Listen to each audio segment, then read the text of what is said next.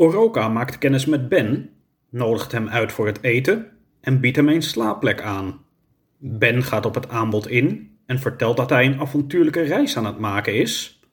Ro en Wubble twijfelen aan Bens verhaal. De volgende ochtend toont hij zijn goede wil door het gras te gaan maaien. Hoofdstuk 49 Oefeningen Voor jou.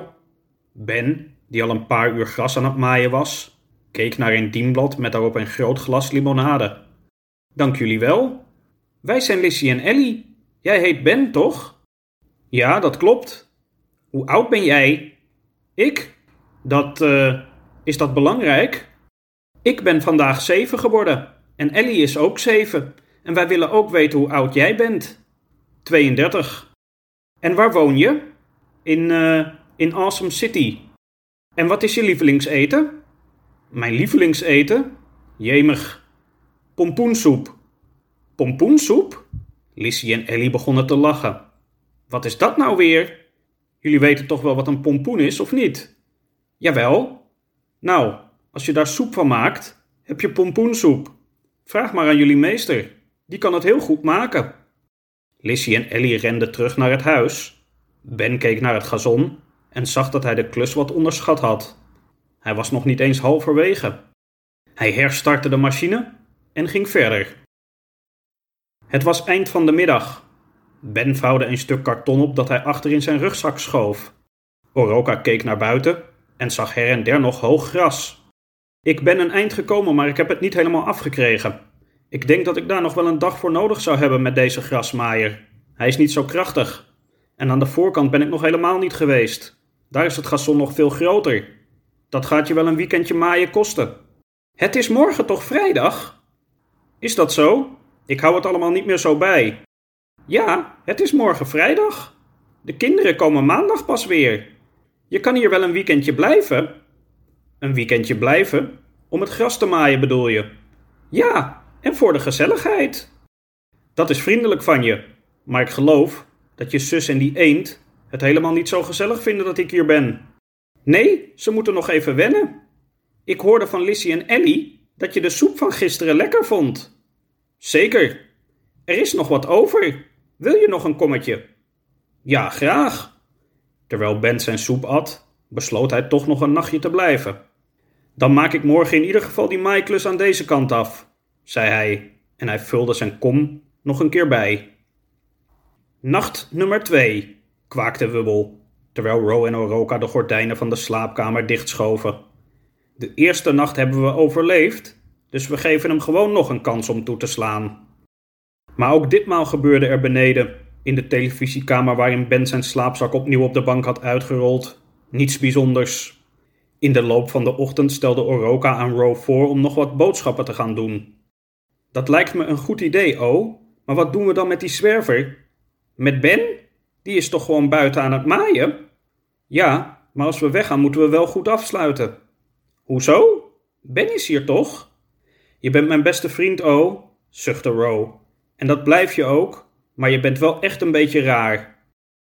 Een kleine twee uur later hadden Oroka en Ro hun boodschappen gedaan en waren ze weer thuis.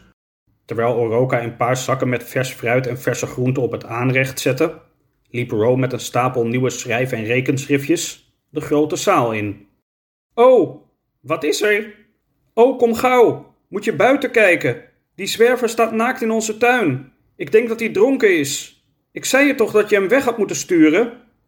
Hij is toch niet naakt? Niet? Ik heb niet zo goed gekeken hoor. Oroka opende de deuren naar de achtertuin.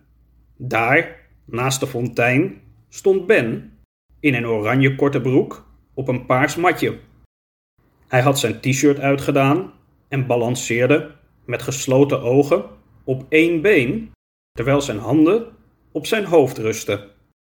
Hallo Ben, wij zijn er weer. Wat ben je aan het doen? Oh, hey, hallo. Ik ben klaar met het gazon aan deze kant. Ik ben wat evenwichts- en yoga-oefeningen aan het doen. Yoga-oefeningen? Wat zijn dat? Dat zijn oefeningen in lichaamshoudingen. Zo kom ik tot rust en houd ik mijn lichaam soepel en in balans. Kan jij dat, Ro? Wat? Op één been staan? Ja, natuurlijk kan ik dat. Dat is toch niet zo moeilijk? Ro ging op één been staan. En met je handen op je hoofd? Ro deed haar handen op haar hoofd en begon te wankelen. En met je ogen dicht? Ro deed haar ogen dicht en viel om. Ze stond vlug weer op en probeerde het opnieuw, maar viel weer om. Wacht maar, ik kan het wel.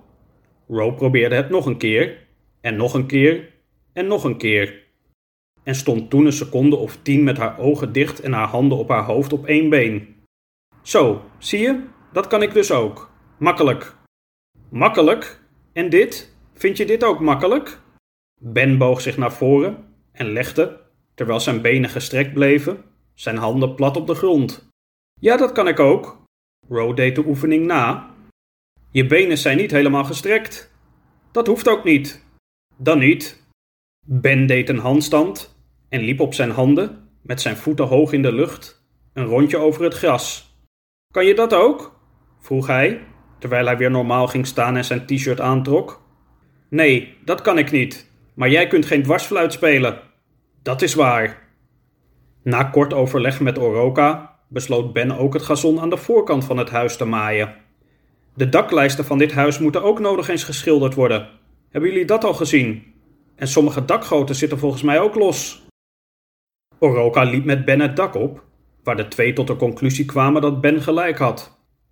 Op het gazon stonden Ro en Wubble te kijken hoe de twee boven het dak inspecteerden. Daar zijn we nog niet vanaf, Ro. Nee, dat denk ik ook niet.